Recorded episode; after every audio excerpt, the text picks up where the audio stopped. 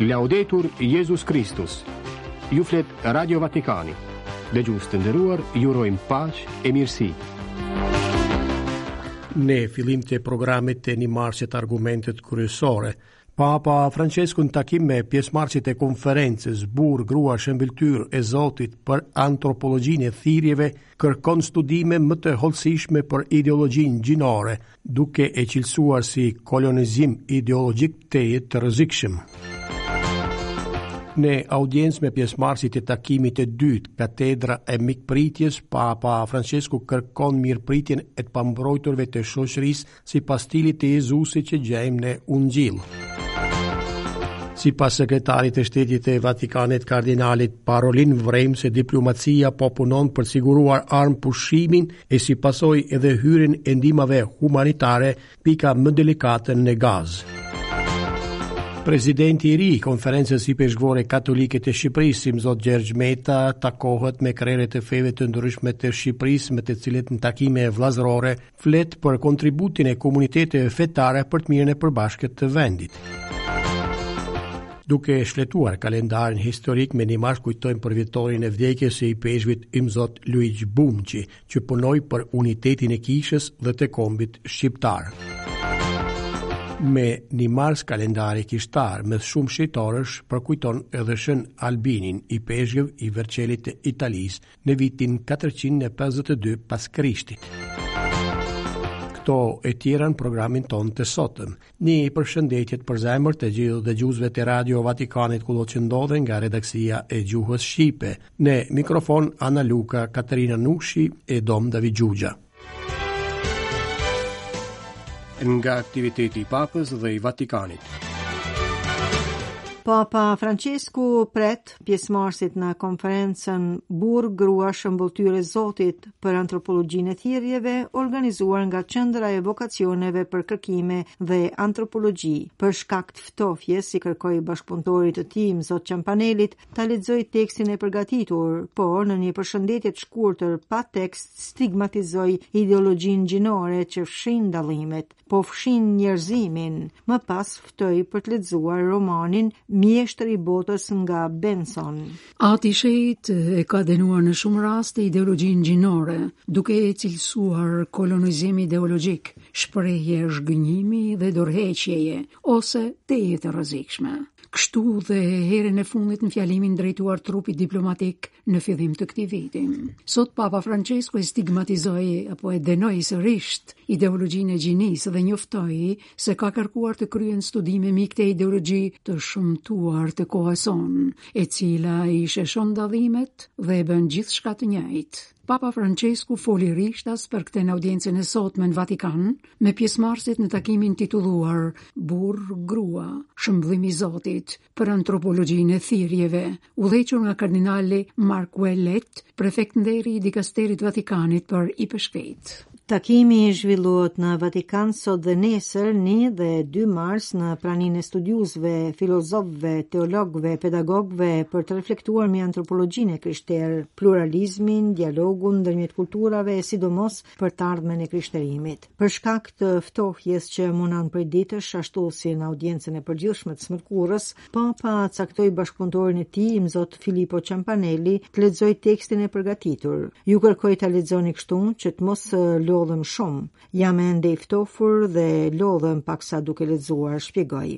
Megjithatë, së pari, Francesku deshi t'u drejtojë të pranishmëve disa fjalë lirisht, në mënyrë që të nënvizonte rëndësinë e një takimi të tillë burrash dhe grash. Perché oggi il pericolo più brutto, più brutto, è l'ideologia del gender. Sepse sot, theksoi, rreziku më i shëmtuar është ideologjia gjinore, e cila i sheshon dallimet. Kërkova të bëja studime për këtë ideologji të shëmtuar të kohës sonë, kujtoi Papa, që fshin dallimet dhe e bën gjithçka të njëjtë. Të fshish dallimet do të thotë të fshish nga faqja e dheut vetë njerëzimin. Burri dhe gruaja, megjithatë, janë në një tension të frytshëm. Në qershor 2019, kongregacioni i atëhershëm për arsimin katolik pati publikuar një dokument të titulluar Mashkull dhe femër i krijoi, për një udhë dialogu mbi çështjen e gjinisë në edukim. Mjet i dobishëm për trajtuar debatin mbi seksualitetin njerëzor dhe sfidat që dalin kohën aktuale të emergjencës arsimore. Ndërsa sot Francesku shpjegoi se reflektimi mbi këtë temë vazhdon.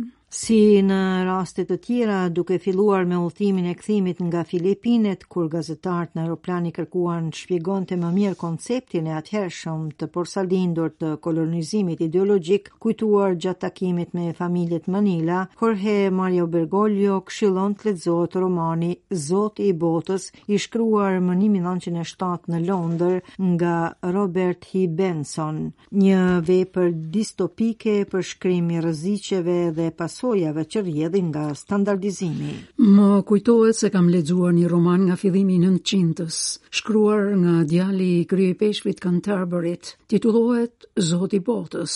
Romani flet për të ardhmen dhe është profetik. sepse kujton pikërisht prirjen e fshirjes së të gjitha dallimeve. Është interesant ta lexosh nëse ke kohë, sepse prek pikërisht këto probleme të ditëve të sotme. Ishte profet ai njeri. Në kontekstin e dhënë, Francesku përqendrohet në rëndësinë e fillimit në nivel akademik të reflektimit mbi thirrjet në kishë dhe në shoqëri. duke vlerësuar përmasën e tyre antropologjike dhe duke u nisur nga e vërteta elementare dhe themelore se gjithë jeta e qenja njerëzore është thirrje. Domethënë, shprehet në dëgjim, në përgjigje, në ndarjen e vetvetes dhe dhuratave me të tjerët dhe për të mirën e përbashkët. Ky Është zbulimi që na nxjerr nga izolimi i egos vetëvlerësuese dhe na bën ta shikojmë veten si identitet në marrëdhënie. Unë ekzistoj dhe jetoj në raport me këdo që më krijoi, me realitetin, me të tjerët dhe me botën që më rrethon, e cila më bën thirrje të përqafoj me gëzim dhe përgjegjësi një mision specifik e personal, nënvizoi Papa. Në përfundim Francesku porositi të mos i zihet fryma tensionit të shëndetshëm shpirtëror që e ka secili brenda vetes, apo thënë ndryshe, thirrjes për të qenë i lum, për ta jetuar plotësisht jetën që na u dhurua, a për ta bërë ndonjë vepër të madhe, ashtu si na e caktoi Zoti vetë. Jeta e secilit prej nesh, nga e cila askush nuk përjashtohet, nuk është incident në kalim. Jeta jonë në këtë botë nuk është fryt i rastit, sepse ne bëjmë pjesë në një plan dashurie, e jemi të ftuar të dalim nga vetvetja e ta realizojmë për vete, por dhe për të tjerët.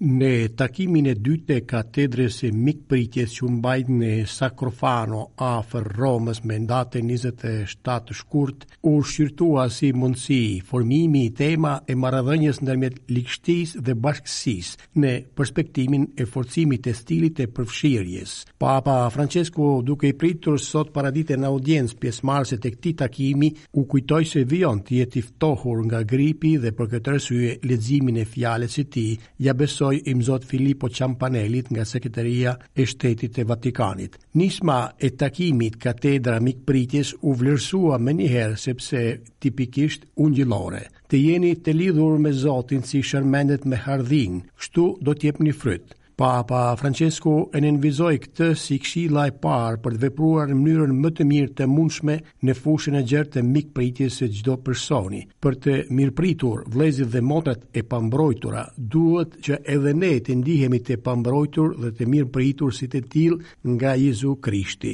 Ai na paraprin gjithmonë. Jezusi u bë i pambrojtur deri në mundime, edhe i brishtë si ne, që falë tij edhe ne të bënim të njëjtën gjë. Papa i ftoi të gjithë të rrënjosemi në Ungjill, të rrënjosemi në Jezusin, sepse kjo është mënyra për shmangur sjelljet e krishtera që nuk na ndihmojnë të jemi gjithnjë pranë të varfërve. Jezusi nuk i mësoi dishepujt e tij të planifikonin kujdesin për të sëmurët dhe të varfrit. Jezusi deshi t'i ushtronte dishepujt e tij për një stil jetese duke qenë gjithmonë kontakt me të pambrojturit në mesin e atyre që janë në vështirësi e jetojnë me brishtësi në shoqëri, tha Papa. Në Ungjill kujton në fjalën e tij Papa Françesku, të varfrit, të pambrojturit nuk janë objekte, janë subjekte, janë protagonistë së bashku me Jezusin të shpalljes së mbretërisë së Zotit. Prandaj, nënvizoi Papa Bergoglio, sa rëndësi ka në bashkësi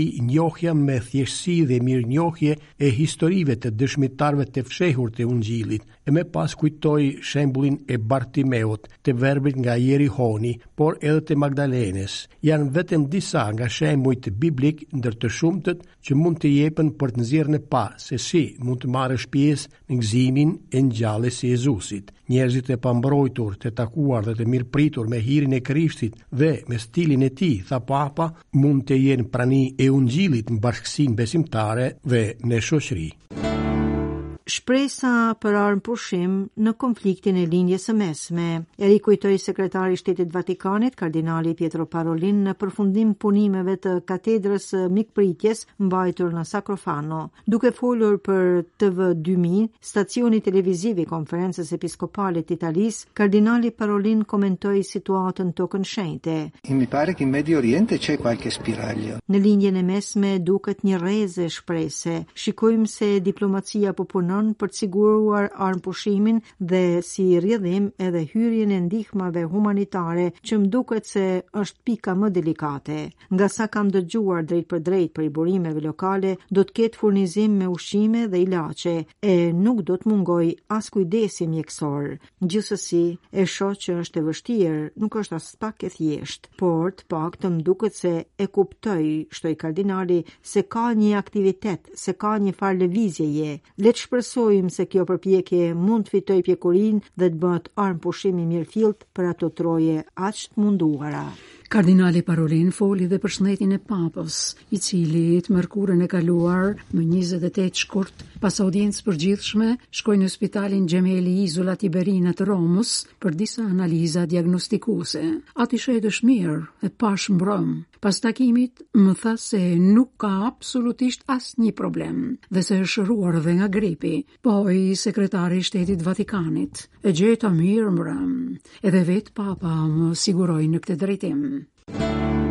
Presidenti i ri i konferencës ipeshkvore katolike të Shqipërisë, imzot Gjergj Meta, ipeshkëv i Rrëshenit, takoi këtyre ditëve krerët e komuniteteve fetare të ndryshme të pranishme në Shqipëri. Marrëdhëniet vëllazërore ndërmjet komuniteteve fetare, bashkëpunimi për të mirën e përbashkët të popullit dhe mbarëvajtjen e shoqërisë ishin në qendër të takimeve të përzemërta, gjatë të cilave Imzot Meta kujtoi se veprimi i përbashkët mes gjitha komuniteteve është për të kontribuar në të mirën shoqërore të vendit tonë. E mira e një komuniteti të caktuar është e mira e përbashkët dhe aplikimi në shoqëri i vlerave fetare duke ruajtur laicitetin e shtetit dhe pavarësinë e komuniteteve fetare, Po, më hollësisht të ndjekim njoftimin e zëdhënësit të konferencës ipeshkvore katolike të Shqipërisë, Dom Mark Pashkja.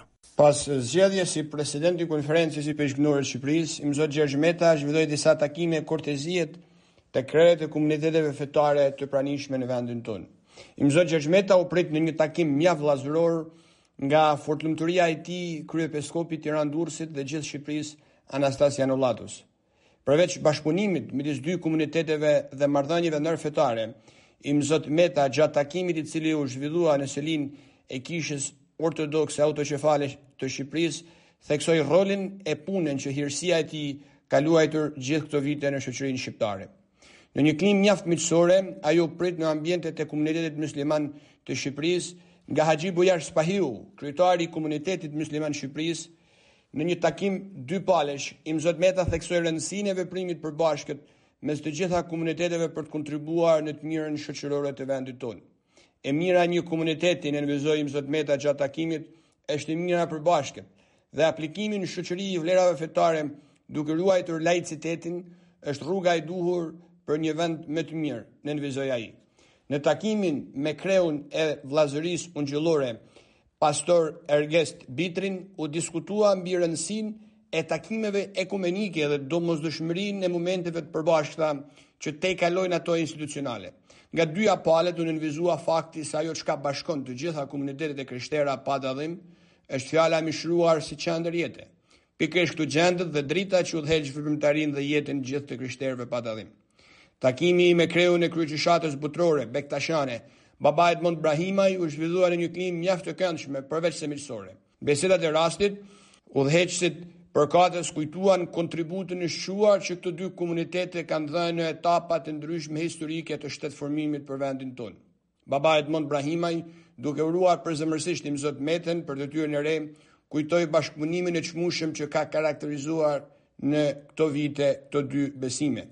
Takimi me Sekretarin e Përgjithshëm të Këshillit Ndërfetar të Shqipërisë, zoti Genti Kruja ishte pjesë e agjendës së Imzot Metës. Në takimin e tyre në mjediset e këtij institucioni u fol gjatë dhe me entuziazëm për projekte të përbashkëta mes komuniteteve fetare. Një vizitë kortezie zhvilloi edhe me kryetarin e Komunitetit të Kulteve, zotin Klodian Bulku. Gjatë bisedës me të, Imzot Meta rinovoi gatishmërinë e bashkëpunimit mes Kishës dhe shtetit. Ai gjithashtu duke shprehur vlerësimin maksimal për rolin e shtetit, shprehu domosdoshmërinë e koordinimit të sfidave dhe problematikave mes palëve, të cilat qëndrojnë nën mikqyrjen e këtij institucioni.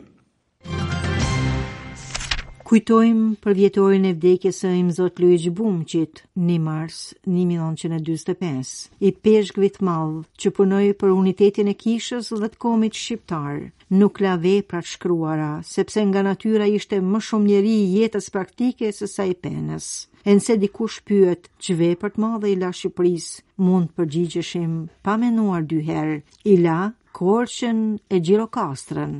Mori pjesë në Kongresin e Durrësit, u zgjodh ministër pa portafol në qeverinë e Turhan Pashës dhe në qershor të një mijë e nëntëqind e nëntëmbëdhjetës kryetar i dërgatës në Konferencën e Paqes në Versaj, Paris. Mbajti fjalimin e përgatitur nga Gjergj Fishta, Të drejtat e Shqipnisë etnike dhe shkroi, Mvetësia e tanësia tokësore e Shqipnisë brenda kufijve etnik e respektimi i të drejtave syprane të komit shqiptar. Imzot Bumçi lindi më gjashtë nëntor një mijë e tetëqind e shtatëdhjetë e dy në Shkodër. Më një mijë nëntëqind e njëmbëdhjetë u shugurua ipeshkëv i dioqezës së Lezhës, me qendër në fshatin Kallmet. Ndërkaq, imzot Bumçi filloi edhe veprimtarinë atdhetare, qe atë shpirtëror i kryengritësve të Malësisë Madhe, që rrokën armët për çlirimin e Shqipërisë nga zgjedha turke. kryesoi delegacionin e qeverisë shqiptare në konferencën e paqes në Paris, ku mbajti një fjalim që pati jehonë të jashtëzakonshme e që meriton të zërë vend në të gjitha antologjitë e letërsisë shqiptare, si një nga prozat oratorike me karakter të fuqishëm atdhetar. Në konferencën e paqes në Paris, delegacioni shqiptar u ndodh para një problemi jetik për tërësinë e tokave shqiptare. Korça e Gjirokastra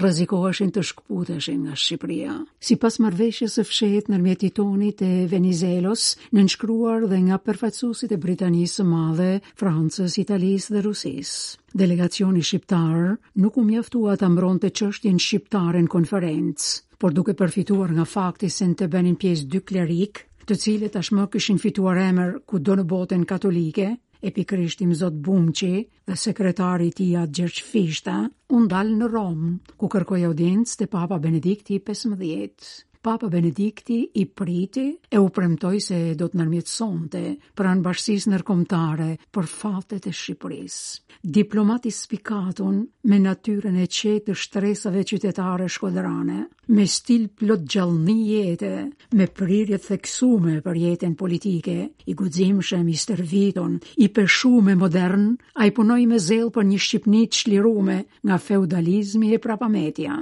Kryesoi delegacionin e qeverisë shqiptare në konferencën e paqes në Paris, ku mbajti një fjalim që pati jehonë të jashtëzakonshme. Vdiq pra, si sot, në vitin ogurzi 1945, në selinë e dioqezës së tij të Lezhës, ndërsa mbi Shqipërinë ndehej terri e terrori komunist. Dëgjuat Radio Vatikanin në gjuhën shqipe. Këtu të nderuar dëgjues përfundon programi i sotëm. Ju falenderojmë për vëmendjen tuaj e mirë u dëgjofshim nesër. Laudetur Jezus Kristus.